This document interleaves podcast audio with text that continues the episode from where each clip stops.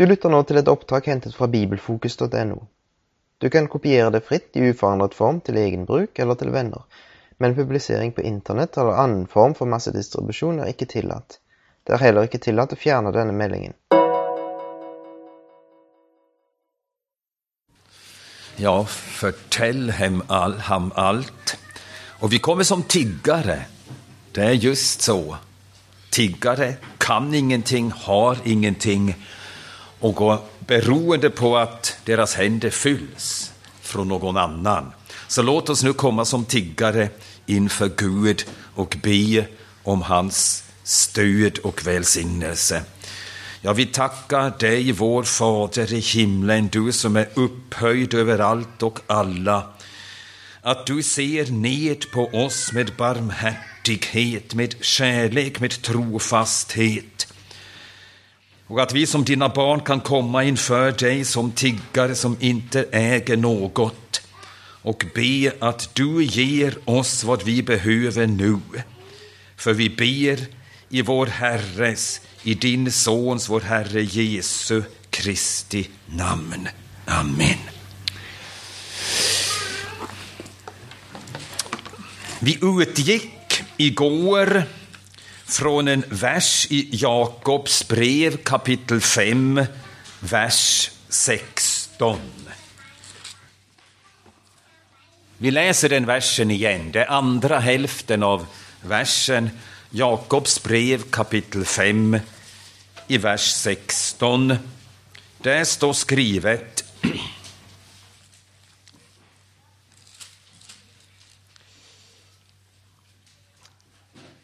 Mycket mäktig och verksam är en rättfärdig människas bön. Nu är det så, man kan översätta grekiskan lite annorlunda. Och i den tyska översättningen enligt Luther lyder den här versen på följande vis. Mycket förmår en rättfärdig människas bön när den är enträgen. När en rättfärdig människa ber med enträgenhet, med eh, uthållighet, med allvar. Den här utsagan innehåller tre huvudsanningar. Den första är just den att bön förmår mycket. Det är inte bara som ett eh, halsband som man hänger kring halsen som man lika gärna kan leva utan, alltså som ett smycke till det kristna livet. Det är navet runt vilket hela vårt andliga liv kretsar. Alltså mycket förmår bönen. Den andra sanningen är den att det är en rättfärdig människa som ber. Någon som har blivit rättfärdiggjord och som också lever ett liv i en rättfärdig vandel. Det är den andra sanningen. Den rättfärdige människans bön, det är den som förmår mycket. Och den tredje sanningen är att bönen måste vara enträgen, det vill säga med tro. Om vi verkligen tror, då tar vi Gud på allvar och då ber vi tills Gud svarar, även om svaret är nej. Men det är ett svar. Men vi har inte tid att eh, tänka på alla dessa tre sanningar, så jag tänker eh, ge mer eftertryck åt det som vi började med igår. Mycket förmår bönen. Och vi såg exempel på det från Gamla testamentet. Vi hörde också exempel ur kyrkohistorien. Vi såg från Domarboken att eh, varje väckelse började med bön. Vi såg från Andra Moseboken frälsningar. Frälsningen ur Egypten började med att Israel ropade till Gud om hans ingripande. Vi såg att eh, Davids, hela Davids liv började med en kvinna som låg på knäna och bad till Gud om en son. Bön förmår mycket. Det sista exemplet ur det gamla testamentet som vi tänkte på igår, det var Josua. Efter nederlaget inför staden Ai och hur han eh, visade samma reflex som Mose. Någon svårighet kom, något ovälkommet kom, en katastrof hade inträtt. Det första han gjorde var att han kastade sig ner inför Gud. Tills Gud svarade, tills Gud talade och där vände och därmed vände nederlaget till seger. Bön förmår mycket. Låt oss nu eh, slå upp de där verserna som beskriver Hannas bön. Hanna, Samuels moder. Första Samuelsboken, första kapitlet.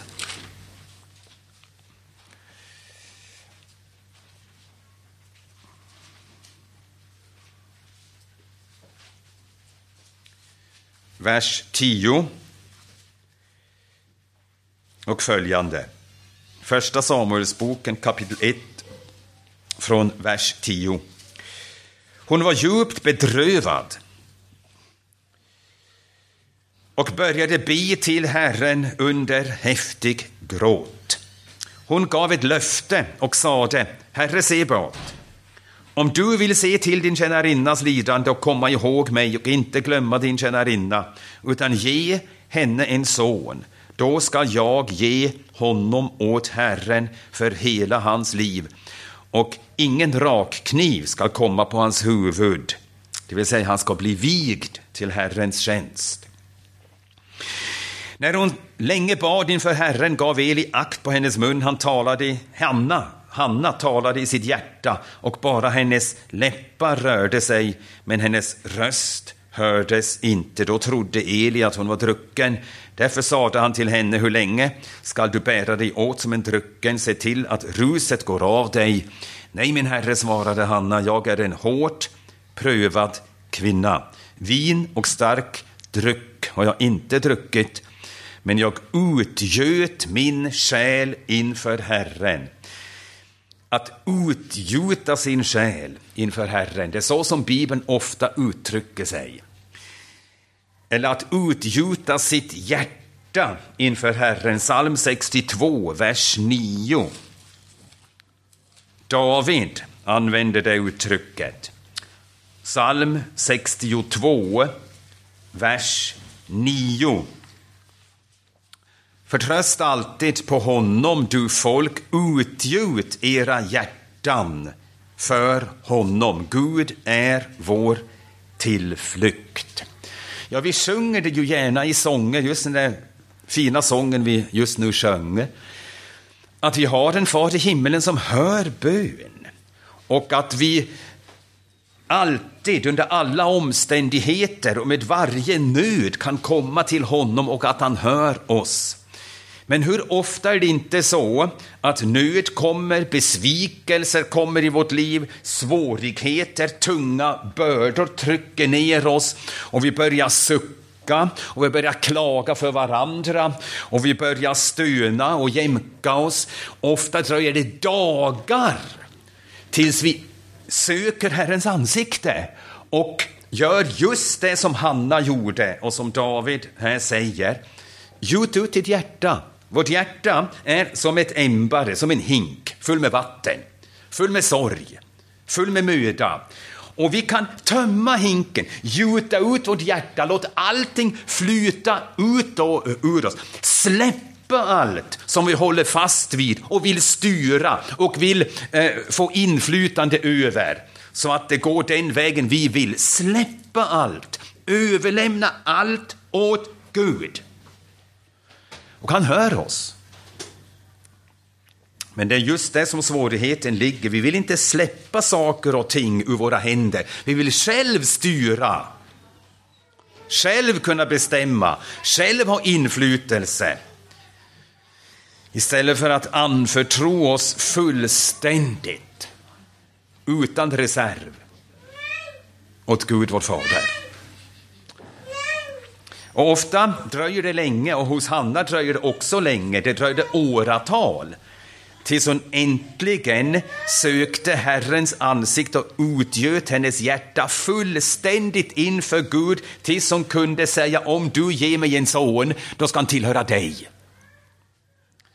Och Gud som ser in i våra hjärtan, han såg att hon då verkligen menade det. Och då fick hon en son, och hon gav denne son tillbaka till Herren, Samuel, som blev en Herrens tjänare och genom vilken David blev introducerad till Israel. Först smord som konung och sen införd i Israel.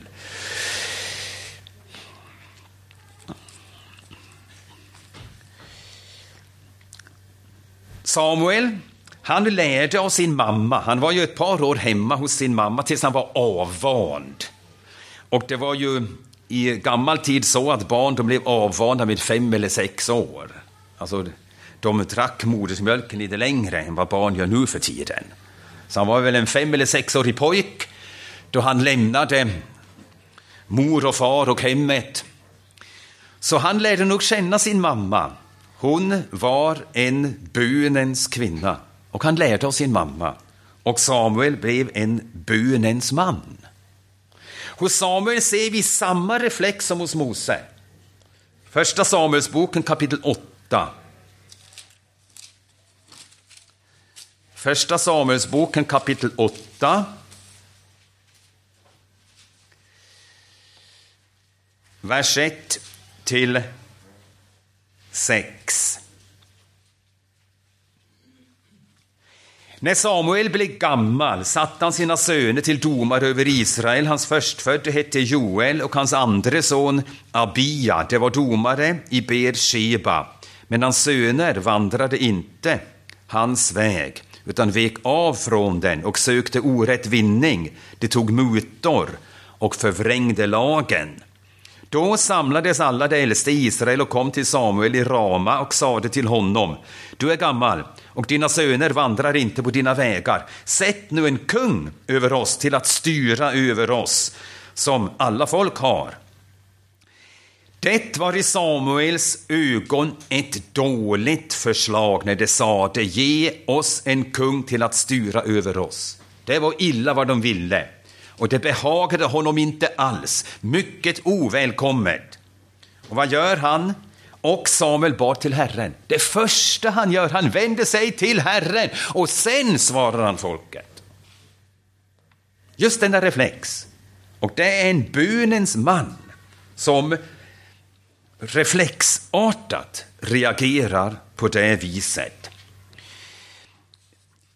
Ett tillställe som visar oss någonting om Samuels böneliv. Första Samuel kapitel 12. Här håller Samuel sitt avskedstal till folket. Och där säger han, första Samuel kapitel 12, vers 23. Det var också fjärran från mig att jag skulle synda så mot Herren att jag slutade be för er. Samuel, han förstår att han syndar mot Herren om han slutar att be för Herrens folk. Och jag undrar om vi känner detsamma. Det är synd mot Gud om vi underlåter att be för varandra. Ja, vi vet nog, ja, vi borde ju be lite eh, mera disciplinerat för våra syskon i församlingen, för Guds folk i allmänhet. Men Gud förstår ju att vi är svaga och så tänker vi, ja, de flesta de har ju samma svårigheter som jag. Och så ursäktar vi oss med att eh, ja, det är ju normalt att vi inte eh, ber så som vi borde. Samuel var en bönens man och han kände djupt att det är synd mot Gud att inte be för hans folk. Och så länge vi inte känner på samma vis som Samuel kommer det aldrig att ändra sig i vårt liv. Först då vi får den förståelsen och känner att det är verkligen synd inför Gud, då börjar vi med allvar att be Gud, lär mig att be. Lär mig att be, så jag inte syndar mot dig och mot ditt folk. Samuel, en bönens man, han visste hur viktigt förbönen var för Guds folk. Ty bön förmår mycket. David, en bönens man, hade han inte varit en bönens man skulle vi inte ha saltaren i Bibeln. Det är ju hans böner och där finner vi hela hans böneliv utsprätt inför oss, hur han levde sitt böneliv. Ett exempel, psalm 119, verser 45, 145 till 147.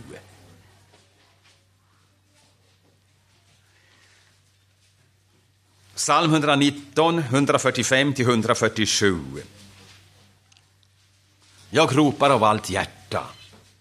Det är just bön, att ropa till Gud av allt hjärta. Att ha allting inriktat på Gud. Jag är i din hand, allt är i din hand. Du tronar och står över allt. Och jag ropar till dig. Jag söker ingen annan hjälp än dig. Och jag ropar till dig av allt mitt hjärta. Svara mig, Herre. Det är tron att Herren hör och svarar. Svara mig, Herre. Han räknar med svar.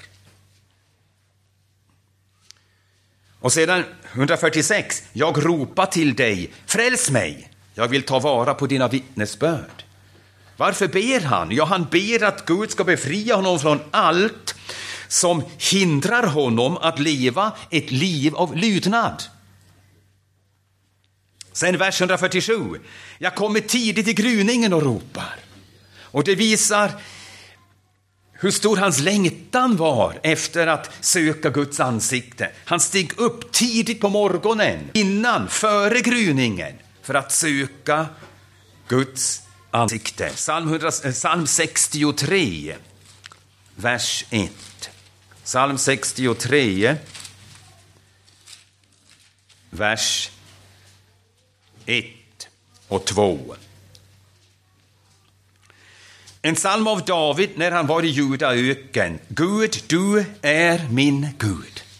Gud, du är min Gud. Om morgonen söker jag dig. Det hebreiska uttrycket är mycket intressant. Det, det, det lyder Ashachareka. Shachar, det betyder gryningen. Och Ashachareka betyder egentligen, jag gör gryningen att komma upp. Alltså det betyder, jag är uppe före gryningen. Då det ännu var mörkt. Tidigt om morgonen, före gryningen söker jag dig. Min själ törstar efter dig. Min kropp längtar efter dig i ett torrt land som försmäktar utan vatten. Jag söker dig i helgedomen för att se din makt och härlighet. David, bönens man, ett exempel ur hans liv som eh, är så oändligt karaktäristiskt för David.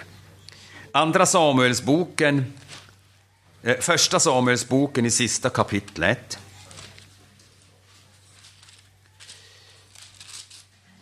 Första Samuelsboken kapitel 31. En stor katastrof har inträffat genom Davids egen förskyllan. Han har uppehållit sig bland filisteerna istället för att blivit kvar i Judea. Och nu har det hänt så att medan han ville dra i krig med eh, filisternas konung Abimelek mot Israel föll amalekiterna in i den staden Eh, filisternas konung hade givit honom. Siklag. Och eh, brände ner staden och förde bort alla kvinnor och barn som hörde till David och hans män. Och de kommer tillbaks och finner denna situation för sig. Verkligen en katastrof. Och Davids män, de är så förbittrade att de eh, tänker på att vända sig mot David. Eh, inte kapitel 31, ursäkta, det är kapitel 30. Första Samuelsboken, kapitel 30. Vers 6. David kom i stor fara, ty folket hotade att stena honom. Så förbittrade var det alla, var och en för sina söners och döttrars skull. Men, och nu kommer just det som är så typiskt för David, men David hämtade styrka hos Herren, sin Gud. Han söker Gud i bön. Och ofta är det så att det måste komma någonting liknande i vårt liv tills vi märker igen.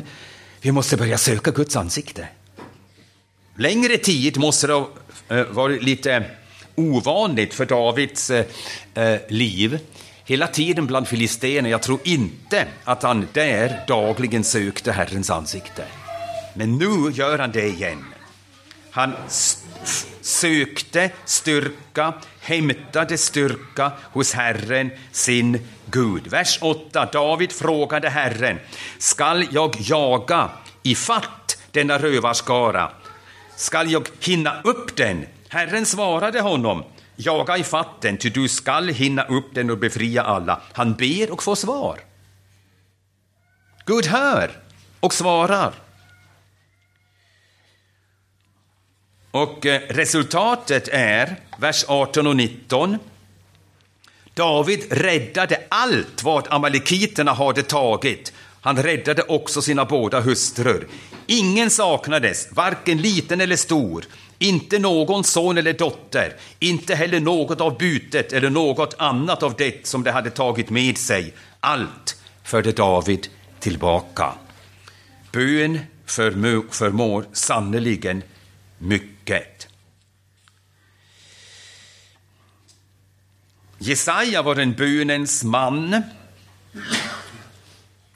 Andra Konungaboken, kapitel 19.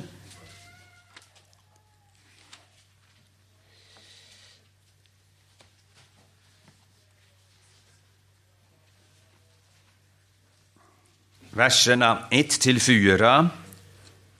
Kungen från Assyrien belägrar Jerusalem, hotar att inta staden. Och han skriver brev och smädar Israels Gud. Och så står här i Andra Kungaboken kapitel 19, verserna 1 till 4. När kung Hiskia hörde detta rev han sönder sina kläder, höljde sig i säcktyg och gick in i Herrens hus. Alltså kung Hiskia, han gör samma sak. Han söker Herrens närvaro. Och han sände överhovmästaren Eliakim och skrivaren Shebna och de äldste bland prästerna, prästerna höljda i sacktyg, säcktyg till profeten Jesaja, Amos son. Det sade till honom, så säger Hiskia, denna dag är en nödens, bestraffningens och föraktets dag. Ty fostren har kommit fram till födelse, men det finns ingen kraft att föda. Kanske skall Herren din Gud höra Rabsakes ord, som hans herre, kungen i Assyrien, har sänt för att håna den levande guden, så att han straffar honom för dessa ord som Herren din Gud har hört. Bed en bön för den kvarleva som ännu finns. Varför sänder Hiskia, kung Hiskia detta bud just till Jesaja? Han visste Jesaja var en bönens man. Bed tillsammans med mig till Gud. Och då vi kommer i svårigheter i församlingslivet, i vårt personliga liv, kommer i nöd, i trångmål, då vet vi vem vi kan fråga, eller jag hoppas du vet vem du kan fråga om han inte vill be tillsammans med dig. Tills Gud griper in. För ett par år sedan gick vi igenom en verklig kris i vår församling, vårt församlingsliv. Och till slut så var det ett möte där eh, tre äldste och en medarbetare i församlingen skulle träffas för att eh, diskutera hela situationen. Och jag kände på mig ikväll faller, faller det avgörande beslutet. Och då ringde jag ett par bröder som jag visste, de kommer att ta det på allvar. Och jag skildrade i korta ord situationen och bad dem att ropa till Herren. Och medan vi satt där i den där diskussionsrundan ropade de verkligen till Herren. Och han styrde då allt så att efter den kvällen så hade vi verkligen funnit en öppen dörr och vägen som vi som församling skulle gå, borde gå och sen också kunde gå. Och eh, vi blev frälsta ur nöden. Och man är tacksam för att känna sådana som kan be i nödens stund. För de har lärt att leva ett böneliv, lärt i Kristi skola att be och att få vad man ber om. Bön förmår mycket.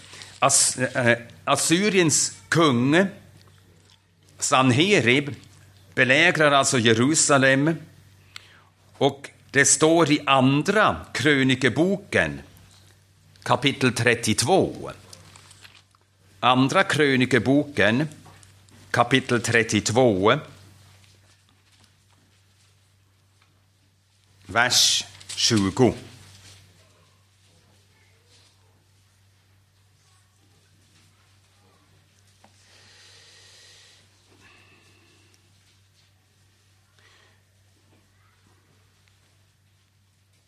Medans faran hotar och eh, assyrierna gör eh, Hiskia ett eh,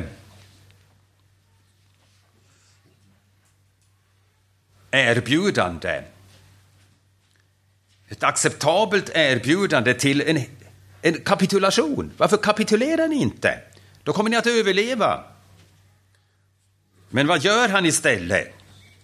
Tillsammans med Jesaja flyr han till Gud. Och så står här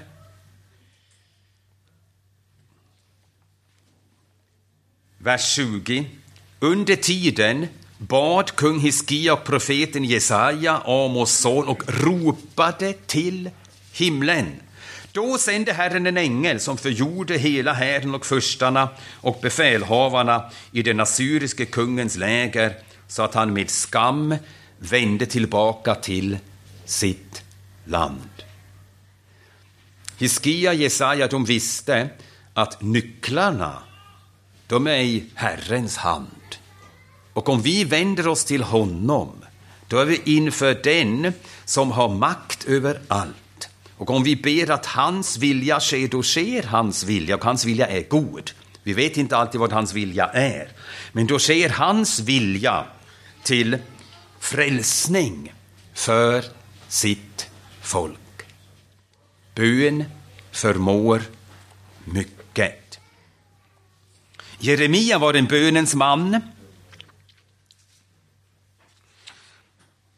Det syns då vi slår upp Jeremia kapitel 7, vers 16. Jeremia kapitel 7, vers 16.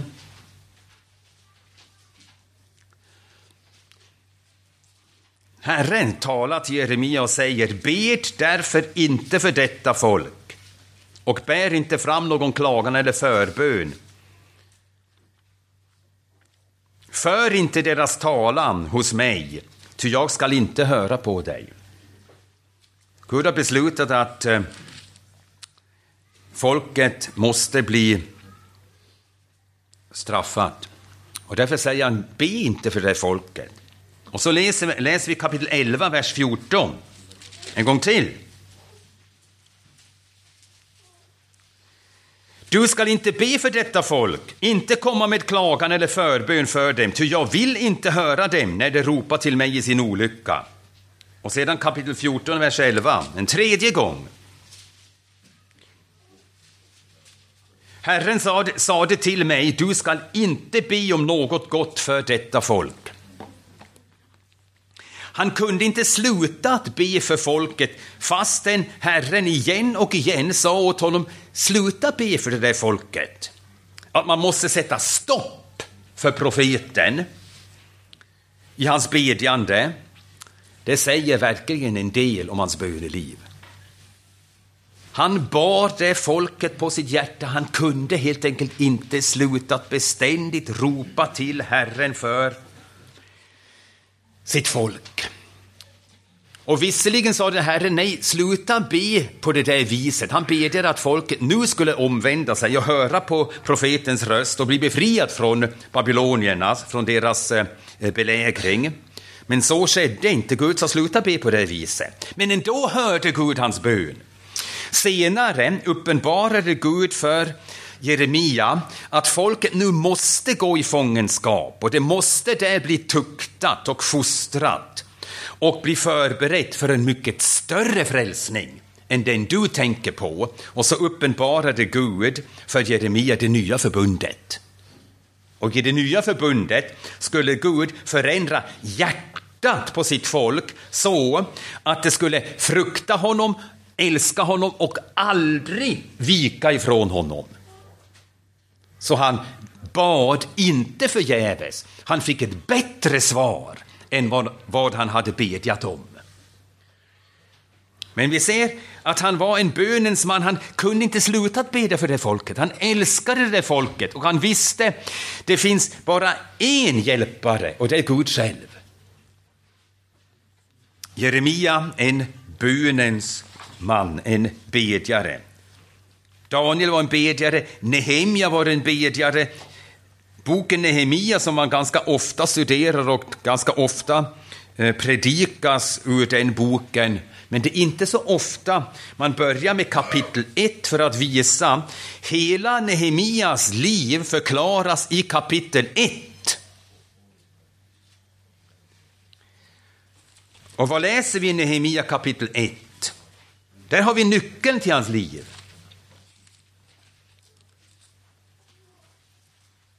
Nehemia kapitel 1 från vers 1.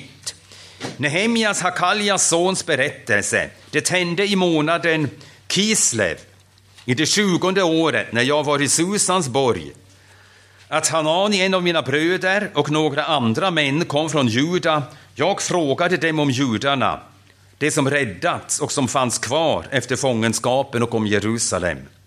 De sade till mig, de som är kvar efter fångenskapen befinner sig i provinsen och det lider stor nöd och vanära. Och Jerusalems mur är nedbruten och dess portar nedbrända. När jag hörde detta, ja, vad gjorde han då? Ställde upp en plan, började tänka ut eh, eh vilka medel man behöver för att ändra situationen, hur många män man måste ha till förfogande och så vidare och så vidare. Nej. När jag hörde detta satt satte jag mig ner. Och det betyder, nu slutar jag att göra någonting alls. Och nu vänder jag mig till Gud alena.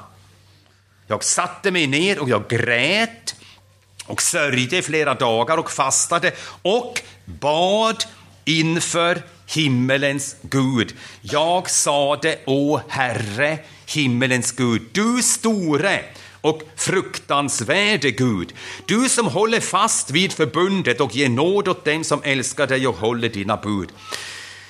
Så han vänder sig till Gud och håller fast vid Guds löften, vid Guds förbund, påminner Gud om sitt förbund och ber att Gud uppfyller alla löften han har givit i sitt förbund. Och så sker sen i hela boken Nehemia. Precis så sker som han ber. Men det är här som boken Nehemia börjar. Och det är det som förklarar hans liv och hans tjänst. Han var en bönens man. En bedjare. Och då vi kommer till Nya Testamentet då finner vi samma sanning understruken. Herren var en bedjare, apostlarna var bedjare, den första församlingen i Jerusalem var en bedjande församling. Igår så slog vi upp Lukas kapitel 3. Vers 21. Lukas kapitel 3, vers 21.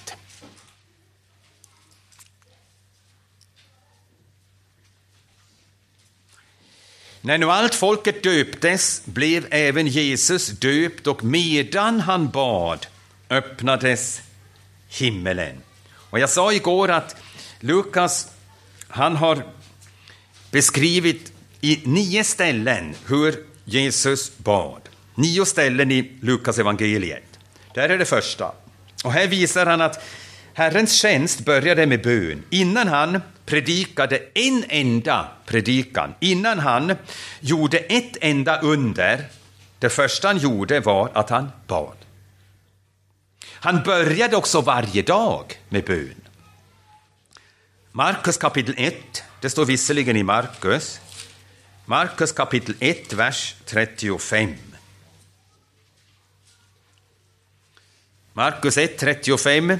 Tidigt på morgonen medan det var mörkt steg Jesus upp och gick till en enslig plats och bad där på morgonen. Som David, tidigt på morgonen. Varför på morgonen?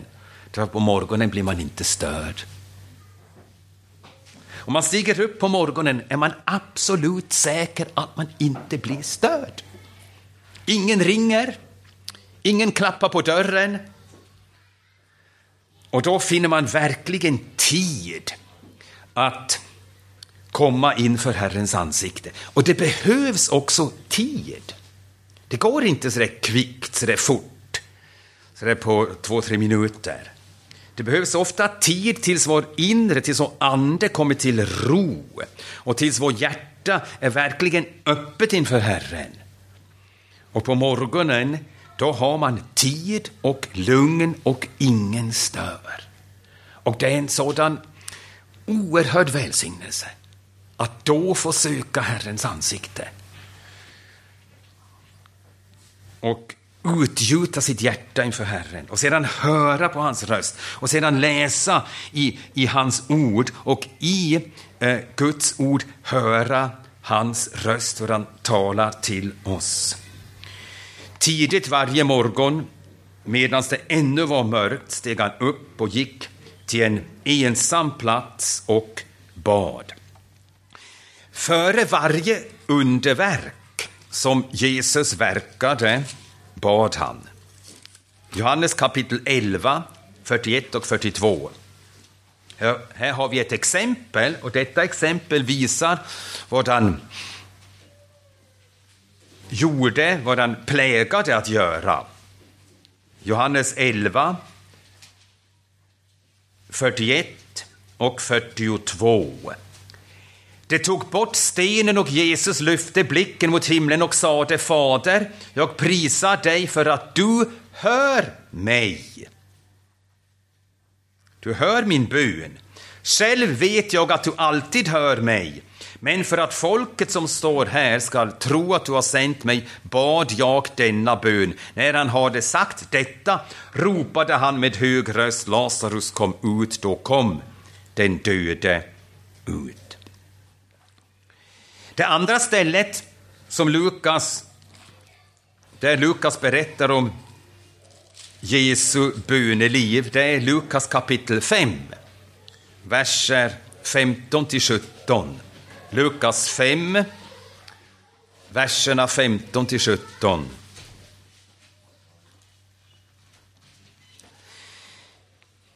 Men ryktet om Jesus spreds ännu mer och stora skaror samlades för att lyssna på honom och bli botade från sina sjukdomar. Men han drog sig ofta undan till öde trakter och bad. Alltså, före han gjorde under bad han, efter att han hade gjort under bad han.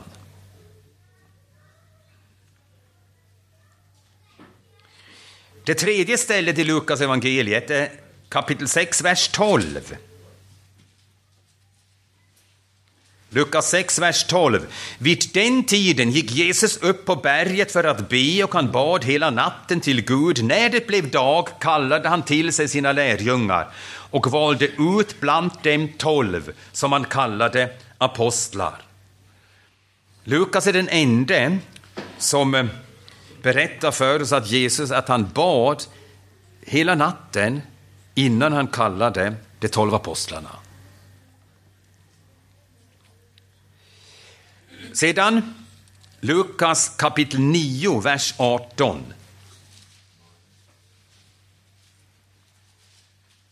Lukas 9, vers 18.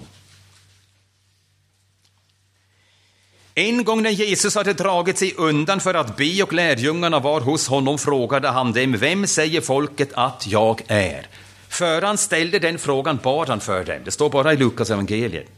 Det står inte i Matteus, står inte i Markus, står bara i Lukas. Och vad bad han om då? Han bad om att Gud måtte öppna ögonen på lärjungarna att förstå vem han verkligen var. Och så skedde också. Matteus kapitel 16, vers 17. Matteus 16, vers 17.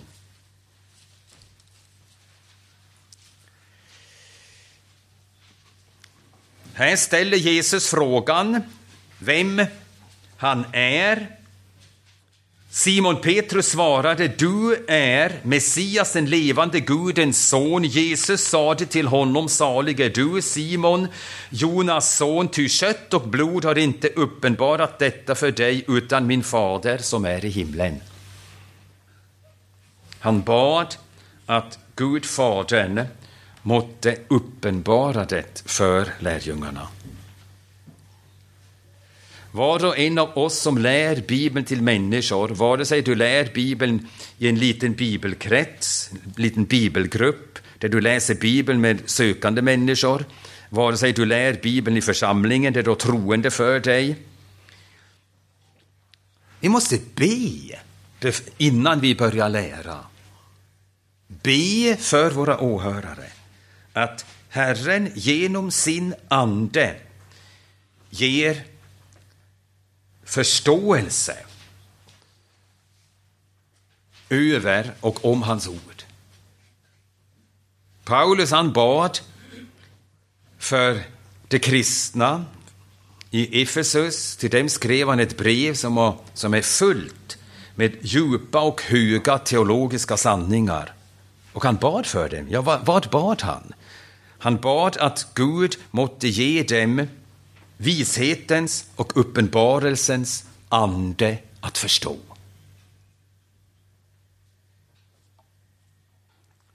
Jesus han bad innan han ställde frågan Vem säger ni att jag är? Lukas kapitel 9, nästa ställe, vers 29. Förklaringens berg. Lukas 9.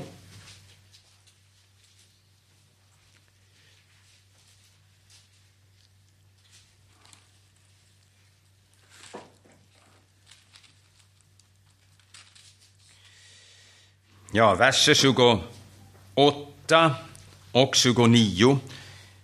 Omkring åtta dagar efter det att Jesus hade sagt detta tog han med sig Petrus, Johannes och Jakob och gick upp på berget för att be. Medan han bad förvandlades hans ansikte och hans kläder blev skinande vita.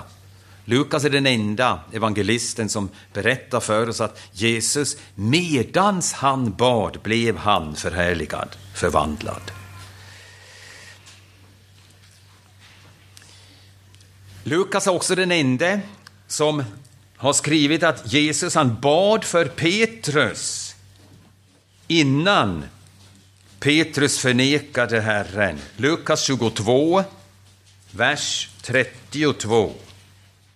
Lukas 22, vers 32. Ja, vi läser verser 31 och 32. Simon, Simon, se Satan har begärt att få sålla er som vete, men jag har bett för dig att din tro inte skall bli om intet. Och när du har vänt om, så styrk dina bröder. Herren bad för Petrus att hans, att hans tro inte skulle ta slut. Och det är förklaringen varför Petrus, efter att ha förnekat Herren, inte gick och hängde sig i sin förtvivlan. Han tappade inte tron. Han, han slutade inte att tro, för Herren bad för honom. Och därför vände han om igen till Herren. Och det är så vi borde be för varann. Då vi ser en broder, en syster är i svår anfäktelse, frestelse, svårigheter, håller på att lämna församlingen, vi vet inte hur står det, om och med honom eller henne, då måste vi be för den brodern och systern. Herre, låt inte hans eller hennes tro höra upp. Stärk hennes tro, håll hennes tro vid livet. Så ska vi be för varandra.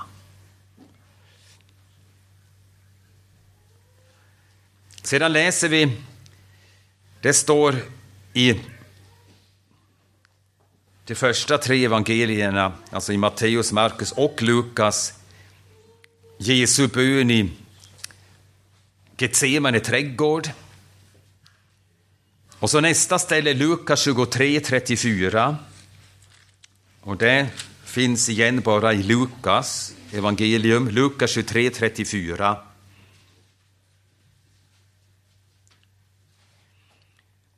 Jag läser 33 och 34. När det kom till den plats som kallades huvudskallen korsfäste honom och brottslingarna där, den ene på hans högra sida och den andra på hans vänstra.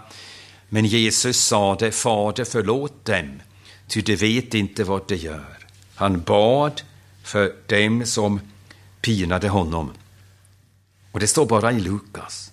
Lukas visar oss alltså att Jesus, den fullkomliga människan, att han var en bönens människa.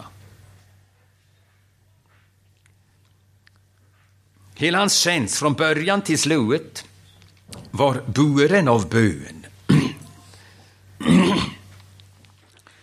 Och vi ser att sedan apostlarna, de lärde det av Jesus. De såg hans böneliv. Lukas kapitel 11. Verserna 1 och 2. Och eh, det här är under de sista veckorna före Jesus för sista gången kommer till Jerusalem.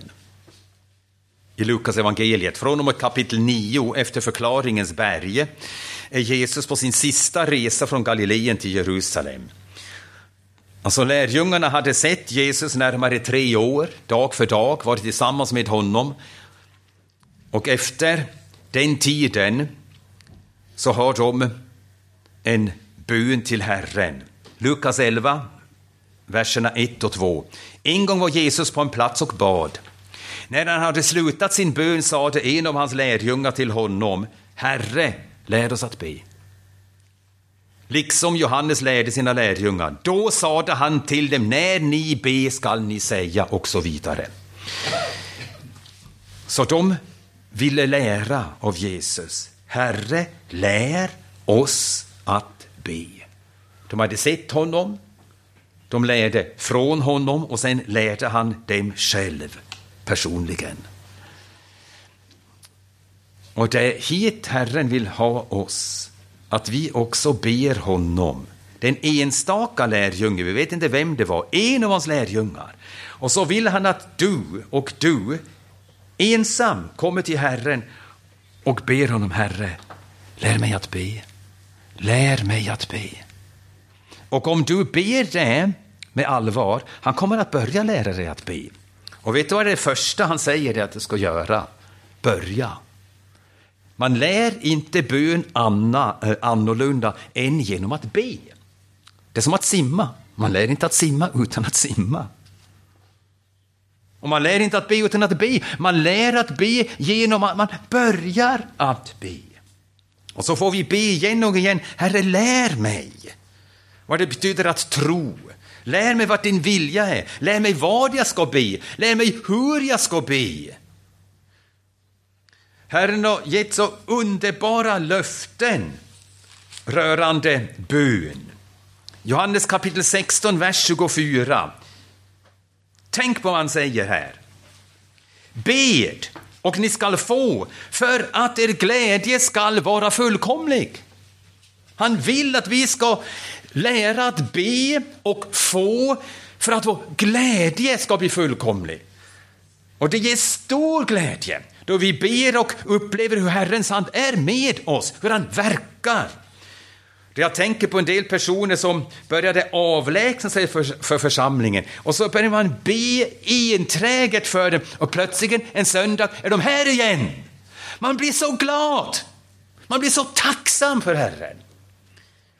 Och vi får så vara på det viset vara medarbetare med Herren. Det är ju han som söker får som går vilse och för dem tillbaka. Men han använder oss också i bön och hör våra böner och drar tillbaka en själ, för tillbaka en själ som har gått vilse till jorden. Be och ni ska få för att er glädje skall vara fullkomlig. Så må Herren lägga det på ditt hjärta att be den bönen, Herre, lär mig att be.